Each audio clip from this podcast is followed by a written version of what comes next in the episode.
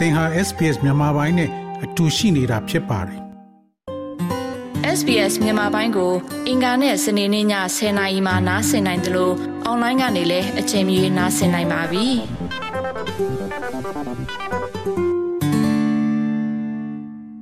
သွမိုးတိုက်ခန်းဆောင်တွေကပျက်စီးနေတဲ့စာတင်ခုံတွေအဲ့ဒီခုံတွေဘေးကหนีရဲနေတဲ့သွေးကွက်နဲ့အသားအစာတွေသွေးစွန်းပြန့်ကျဲနေတဲ့ကြောင်းဖက်စာအုပ်တွေ ပိုင်ရှင်မဲ့နေတဲ့ကြော်ဘိုးအိတ်ရောင်စုံတွေပြီးတော့ဖက်နှက်ကလေးတွေ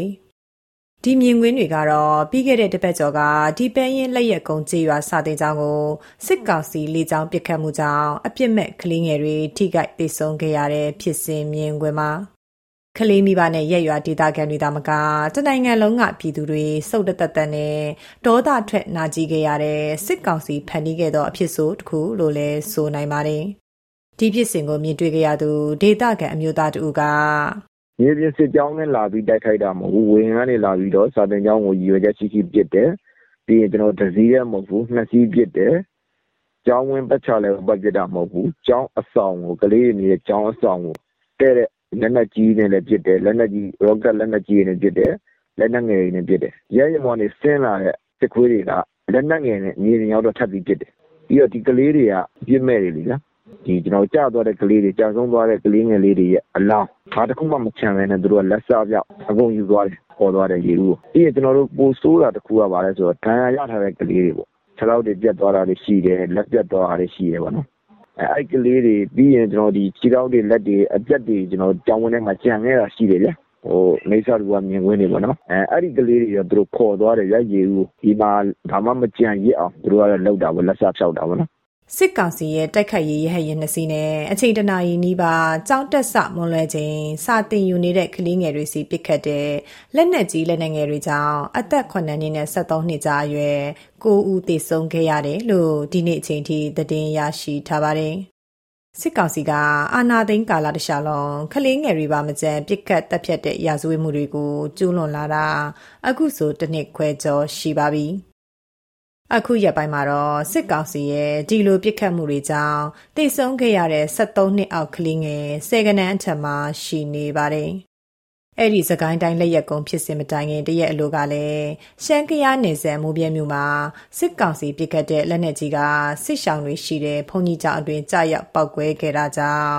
အသက်9နှစ်နဲ့12နှစ်အရွယ်ညီမနှစ်ဦးသေဆုံးခဲ့ပါတယ်။ကြအပြင်လက်ရက်ကုန်းဖြစ်စဉ်အပြီးနောက်နေမှလည်း စကိုင်းတိုင်းကံဘလူမြို့နယ်ချက်ကုန်းရွာကစစ်ကောင်စီတပ်ရဲ့လက်နက်ကြီးကြီးထိမှန်လို့အသက်9နှစ်အရွယ်ယောက်ျားလေးတူရင်အုံထိမှန်သေဆုံးခဲ့ရပါတယ်။ပြီးခဲ့တဲ့နှစ်ရက်ကလည်းကချင်ပြည်နယ်ရွှေကူမြို့နယ်မိုးစစ်ကြီးရွာမှာ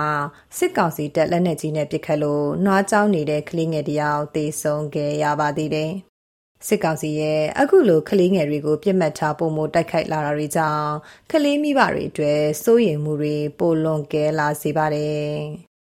မိုးပြဲမြို့ကကျောင်းနေအရွယ်သားနှစ်ဦးရဲ့ဖခင်ဦးမောင်မောင်ကတော့လက်ရှိကာလတွေမှာကလေးငယ်တွေပညာသင်ကြားနိုင်ရေးထက်အသက်ရှင်နိုင်ရေးအတွက်ပဲရုန်းကန်နေရတယ်လို့ဆိုပါတယ်။ ဖွင့်နေတဲ့အကြောင်းတောင် ကျွန်တော်တို့က ခေတ္တရပ်နားထားရတာပဲရပ်နားထားတယ်ဒီတော်လေးကဒီပုံစံမျိုးနဲ့ဆက်လာမှလည်းကိုယ့်စိတ်က တအားဝင်နေပြီလေ အခုချိန်မှာတော့ ကျွန်တော်တို့က လုံခြုံစိတ်ချမှုမရှိဘူး ကျွန်တော်တို့ကအနေနဲ့ ကျွန်တော်တို့ကစာတင်ကြောင်းနေနေအဲ့ကျတော့ဒါတန်းကြီးတွေနဲ့ဝါရီနဲ့ဒီရွာတွေမှာ ကျင်းနေတဲ့ဟာလေးတွေကိုကြွထားရ ပြီးတော့လုံးကြရတာပေါ့ဗျာ ရွာမှာဆိုတော့ ဘယ်လိုနည်းနဲ့ခွေးရဲ့လက်နက်ကြီးကလည်းရောက်ထားတာဆိုတော့သူတို့လှမ်းထုတဲ့အခါကျနော်တို့အဲဒီစာသင်ကျောင်းနားတဝိုက်မှာကျထားတာတွေရှိနေတာဆိုတော့ကျနော်တို့ကကလေးတွေအဲဒီမထားရဲဘူးဗျ။ဖြစ်သလိုတော့တင်တာပေါ့ဗျာ။ဒါပေမဲ့ခွေးကြောင်သတင်းကြားတယ်ဆိုရင်တော့ပိတ်ရတာပေါ့ဗျာ။ပိတ်ပြီးတော့ပြေးကြလွှားကြရတာပေါ့။ နီးစပ်ရာလေးတွေချိန်းနဲ့လှောင်ကြရတာပေါ့ဗျာ။ဒီလိုဖွင့်တယ်နောက်ရက်ဖွင့်ရပါမယ်လို့တော့မပြောလိုဘူးလေ။အခြေအနေပေါ်ကြည့်ပြီးတော့လုပ်ရတယ်။ကျောင်းပိတ်တယ်ဆိုတာလည်းသတ်မှတ်လို့မရဘူးဗျ။ဖွင့်တယ်ဆိုတာလည်းသတ်မှတ်လို့မရဘူးကျနော်တို့ဆီက။ဟုတ်ကဲ့ပါဗျ။စစ်ပြီးကတော့အခုဆိုရင်ပြေးရမလားမသိဘူး။လက်နက်သံတွေထပ်ကြားပြန်ပြီ စစ်ကောင်စီတပ်တွေရဲ့လေကြောင်းတိုက်ခိုက်မှုကြောင့်လက်ရက်ကုန်းရွာကကလေးငယ်တွေအသက်ခံရတဲ့ဖြစ်စဉ်မှာပညာရေးနဲ့ကလေးငယ်အခွင့်အရေးဆိုင်ရာလှုပ်ရှားနေတဲ့ Save the Children အပါအဝင်ကုလသမဂ္ဂလက်အောက်ခံအဖွဲ့အစည်းတွေအနေနဲ့ထုတ်ဖော်ပြောဆိုတာတွေမရှိဘူးလို့ပြည်သူတွေကဝေဖန်ကြပါတယ်အဲ့ဒီလိုဝေဖန်ပြီးနောက်မှာတော့ Save the Children ကဒီလိုတိုက်ခိုက်မှုကိုရှုတ်ချပြီးကလေးငယ်တွေအတွက်ဝန်နေကြောင်းလူသားချင်းစာနာထောက်ထားတဲ့ဥပဒေတွေကိုလေးစားလိုက်နာဖို့ထုတ်ပြန်လာပါတယ်။ ကုလသမဂ္ဂကလေးများရန်ပုံငွေအဖွဲ့ UNICEF မြန်မာကလည်းကလေးငယ်တွေတည်ဆုံမှုအပေါ်ဝန်နေပြီးဖမ်းဆီးသွားတဲ့ကလေးငယ်တွေကို ပြန်လွှတ်ပေးဖို့အတွက်စာထုတ်ပြန်ပါတယ်။ အမျိုးသားညီညွတ်ရေးအစိုးရအန်ယူဂျီကတော့ ကလေးငယ်တွေရဲ့ ပညာရေးအခွင့်အရေးတွေကိုအစိုးဝါဆုံး ချိုးဖောက်ခံရပြီး စာသင်ကျောင်းတွေကိုပြစ်မှတ်ထား တိုက်ခိုက်တဲ့ စစ်ရာဇဝတ်မှုတွေကို တရားမျှတစွာ ဖော်ဆောင်ပေးတဲ့နေရာမှာပတ်ပိုးပေးဖို့ တာဝန်ရှိတယ်လို့ နိုင်ငံတကာအတိုင်းအဝိုင်းကို ထောက်ပြ ပြောဆိုထားပါတယ်။ Save the Children ရဲ့အခုလအတွင်းထုတ်ပြန်ချက်မှာတော့2021ခုနှစ်အတွင်းတိုင်းနယ်ပြည်နယ်73ခုထဲမှာရှိတဲ့စာတင်ကျောင်း190ကျော်တက်ခိုက်ခံခဲ့ရတယ်လို့ပါရှိပါတယ်။ဒါပြင်လက်ရှိကာလအထိမြန်မာနိုင်ငံမှာတည်ဆုံတဲ့အထိတိုက်ခိုက်ခံရတဲ့ပညာရေးဝန်ထမ်းနဲ့ကျောင်းတက်နေတဲ့ကျောင်းသားကျောင်းသူ130ကျော်ရှိတယ်လို့ AAPP စီးရင်တွေအရလည်းသိရပါတယ်။ ကလေးတွေအတွက်ဒီလိုအခြေအနေကနေလွတ်မြောက်နိုင်ဖို့နဲ့အခွင့်အရေးအပြည့်အဝပြန်ရဖို့ဆိုရင်လက်ရှိအာဏာသိမ်းကာလကနေလွတ်မြောက်ပြီးမှသာအကောင့်ထဲဖော်နိုင်မယ်လို့ပြောလာသူက NUG ရဲ့အမျိုးသမီးလူငယ်နဲ့ကလေးတငယ်ရေးရာဝန်ကြီးဌာနတူဝင်ကြီးဒေါ်ဤတင်စာမောင်ပါအာကျမကကျတို့နိုင်ငံရဲ့ကလေးတွေကိုဒီထက်ပိုပြီးတော့မှငင်းချမ်းလုံခြုံတဲ့နေရာမျိုးမှာနေထိုင်ခိုင်းခြင်းတယ်။ဘာလို့လဲဆိုတော့ကျမတို့နိုင်ငံမှာ ပြည်ရင်းစစ်ဖြစ်တာလည်းကြာလာပြီကြာလာပြီဆိုကျတို့နေဆက်တီတာကလေးတွေပြည်နေရကလေးတွေဆိုရင်လည်းပြည်ရင်းစစ်တမ်းကိုနှစ်ပေါင်းများစွာခံလာရတာအော်အဲ့ဒါတွေပဲမဟုတ်ဘူးကျတို့နိုင်ငံမှာလူမှုဖူလုံရေးစနစ်ကအဲ့လောက်ထိကောင်းမွန်နေတဲ့စနစ်မျိုးမရှိသေးဘူးမရှိတော့ကျမကအာကုတ်ကလေးတွေကိုဒီထက်ပိုပြီးတော့မှကောင်းမွန်တဲ့ပညာရေးအခွင့်အလမ်းတွေကောင်းမွန်တဲ့ ကျန်းမာရေးစောင့်ရှောက်မှုတွေရခိုင်းစေခြင်းတယ်။ဒါပေမဲ့လည်းကန်ဆိုးစွာနဲ့ပဲခဏကာလကတော့ကျွန်တော်တို့အာနာရှင်ကိုတွန်းလှန်နေစေကာလဖြစ်တယ်။ကာလဖြစ်တဲ့အတွက်အာနာရှင်အောက်မှာတော့ကျွန်တော်တို့ဒီလိုအခွင့်အရေးဆိုတာဟိုရကိုရနိုင်မှာမဟုတ်ဘူးပေါ့နော်။စစ်အာဏာသိမ်းပြီးတစ်နှစ်ခွဲကျော်အကြာမှာတော့အသက်18နှစ်အောက်ကလေး195ဦးသေဆုံးခဲ့တယ်လို့နိုင်ငံရေးအကျဉ်းသားများကူညီဆောင်ရှောက်ရေးအသင်း AAPP ရဲ့အစည်းအဝေးအရသိရပါတယ်။ အဲ့ဒီထဲမှာအသက်73နှစ်အောက်ကလေးငယ်64ဦးနဲ့အသက်1နှစ်အရွယ်ကလေးအထိပါပါဝင်နေတာပါအများစုကစကိုင်းတိုင်းဒေသကြီးကဖြစ်ပြီးတည်ဆုံးတဲ့ကလေးငယ်တွေထဲမှာယောက်ျားလေးအရေအတွက်က အများဆုံးပါဝင်နေပါတယ် ပုံမှန်ဆိုစာသင်ခန်းတွေမှာသာရှိနေရမယ့်ကလေးငယ်တွေဟာစစ်ကောင်စီအာဏာသိမ်းပြီးနောက်ပိုင်းမှာတော့စစ်ရှောင်စခန်းတွေနဲ့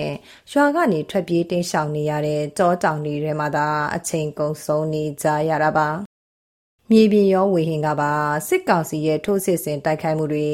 အပြစ်မဲ့ပြည်သူနဲ့ကလေးငယ်တွေပါမချမ်းပြစ်မှတ်ထားနေတာတွေကြောင့်ဘယ်ချိန်ထိအသက်ရှင်ခွင့်ရမလဲဆိုတဲ့အတွေ့အကြုံနဲ့စိုးရိမ်နေကြရပါတယ်။ လက်နဲ့ကြီးတန်ကြတိုင်းလေရင်တန်ကြတိုင်းမြစ်ကမ်းဘေးကရှိုးတွေတဲ့ကပ်ပုံးကြရတဲ့တဲ့တောင်ရင်မြင့်နဘေးကကလေးငယ်တွေလည်းပါဝင်ပါတယ်မိဘရင်ဝင်ထဲမှာငင်းချမ်းစွာနေရမယ့်ကလေးငယ်တွေဟာအခုကာလမှာတော့စစ်ရှောင်နေရင်စစ်တပ်ရဲ့လေကြောင်းသုံးပစ်ခတ်မှုတွေကြားကြောက်စိတ်တွေနဲ့ဖြတ်တန်းနေကြရတယ်လို့တောင်ရင်မြင့်နဘေးပလောတပုစစ်ရှောင်စခန်းတာဝန်ခံဆီယာမနော်ဖော်လေကပြောပါတယ်။ ကလေးတချို့နဲ့တချို့နဲ့ကတော့မတူဘူး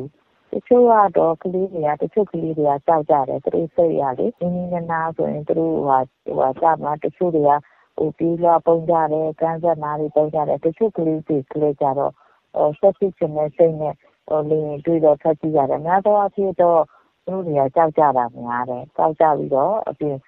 တချို့ကလေးတွေကတော့အိမ်ထဲမှာနေကြတယ်။သူတို့စိတ်ကကြောက်တာပေါ့နော်။သူတို့ဒီ Camp ထဲမှာပဲလာ ပစ်မလားဒီကပ်ပေါ်ကနေပဲဖြတ်သွားတော့လေသူကကြောက်ကြတယ်တချို့ကလေးတွေကအုံငိုကြတယ်ကလေးတွေကတော့မကြောက်ဘူးနဲ့ဘာမှမဖြစ်ဘူးဒီမှာဒီကြီးအများကြီးရှိတယ်ဆရာမတို့လည်းရှိတယ်မိသားစုလည်းရှိတယ်ဘာမှမဖြစ်ဘူးအိမ်ထဲမှာပဲနေဖို့နော်တချို့ကလေးတွေကတော့ဟိုလေကြောက်တယ်တုံတယ်နော်သူတို့ဒီဒီမမနဲ့ဟိုမကြောက်ဖို့ပဲသူတို့နှစ်သိအားပေးတယ်ညာတော့ပါလေ ကလေးတွေအတွက်တော့ငယ်ဘဝမှာကြုံရတဲ့စိတ်ခံစားချက်နဲ့မတော်တဆမှုအတိတ်ဆိုးဖြစ်စဉ်တွေဟာ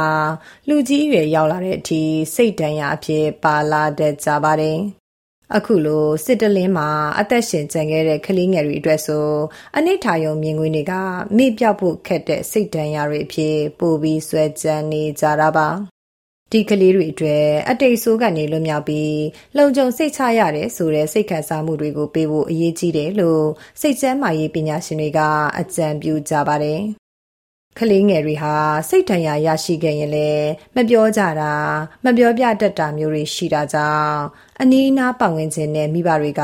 သူတို့ကိုနားလည်နှစ်သိမ့်ပေးဖို့လိုတယ်လို့အွန်လိုင်းကတဆင့်ကလေးတွေအတွက်ပါစိတ်ကြမ်းမာရေးအကြောင်းဆွေးနွေးပေးတဲ့စိတ်ပညာရှင်ဆရာဝန်တို့ကအခုလိုအကြံပြုပါတယ်အဓိကတော့သူတို့ရဲ့ခံစားချက်ကိုကိုယ်ကနားလည်တယ်သူတို့ဘာဖြစ်နေလဲဆိုတာကိုနားလည်တယ်အတူတူရှိနေတယ်ဒီလိုဟာတွေကိုဒီလိုချက်ကြော်မယ်ဆိုတော့အဲ support မျိုးပေးရမှာပေါ့။ရိုးရိုးသာမန်လူအချင်းချင်းလုပ်နိုင်တဲ့ဟာပေါ့နော်။မိဘတွေလည်းလုပ်နိုင်တယ်။ဘေးမှာရှိတဲ့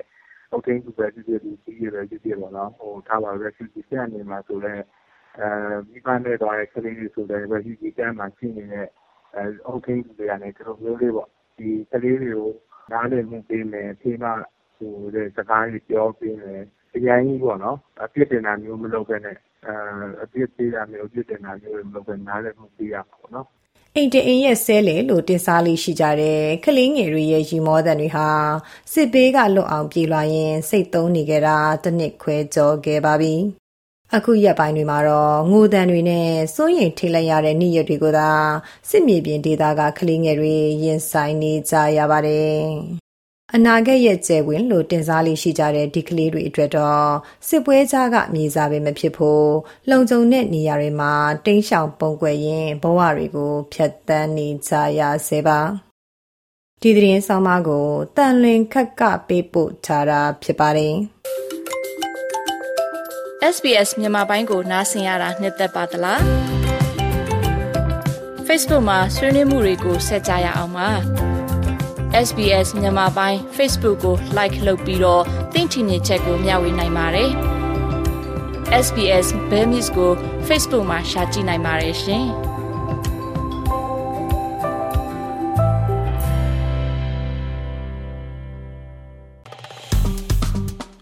SBS မြန်မာပိုင်းကို Facebook ပေါ်မှာ like ရှာပြီး like မျှဝေမှတ်ချက်ပေးပါ။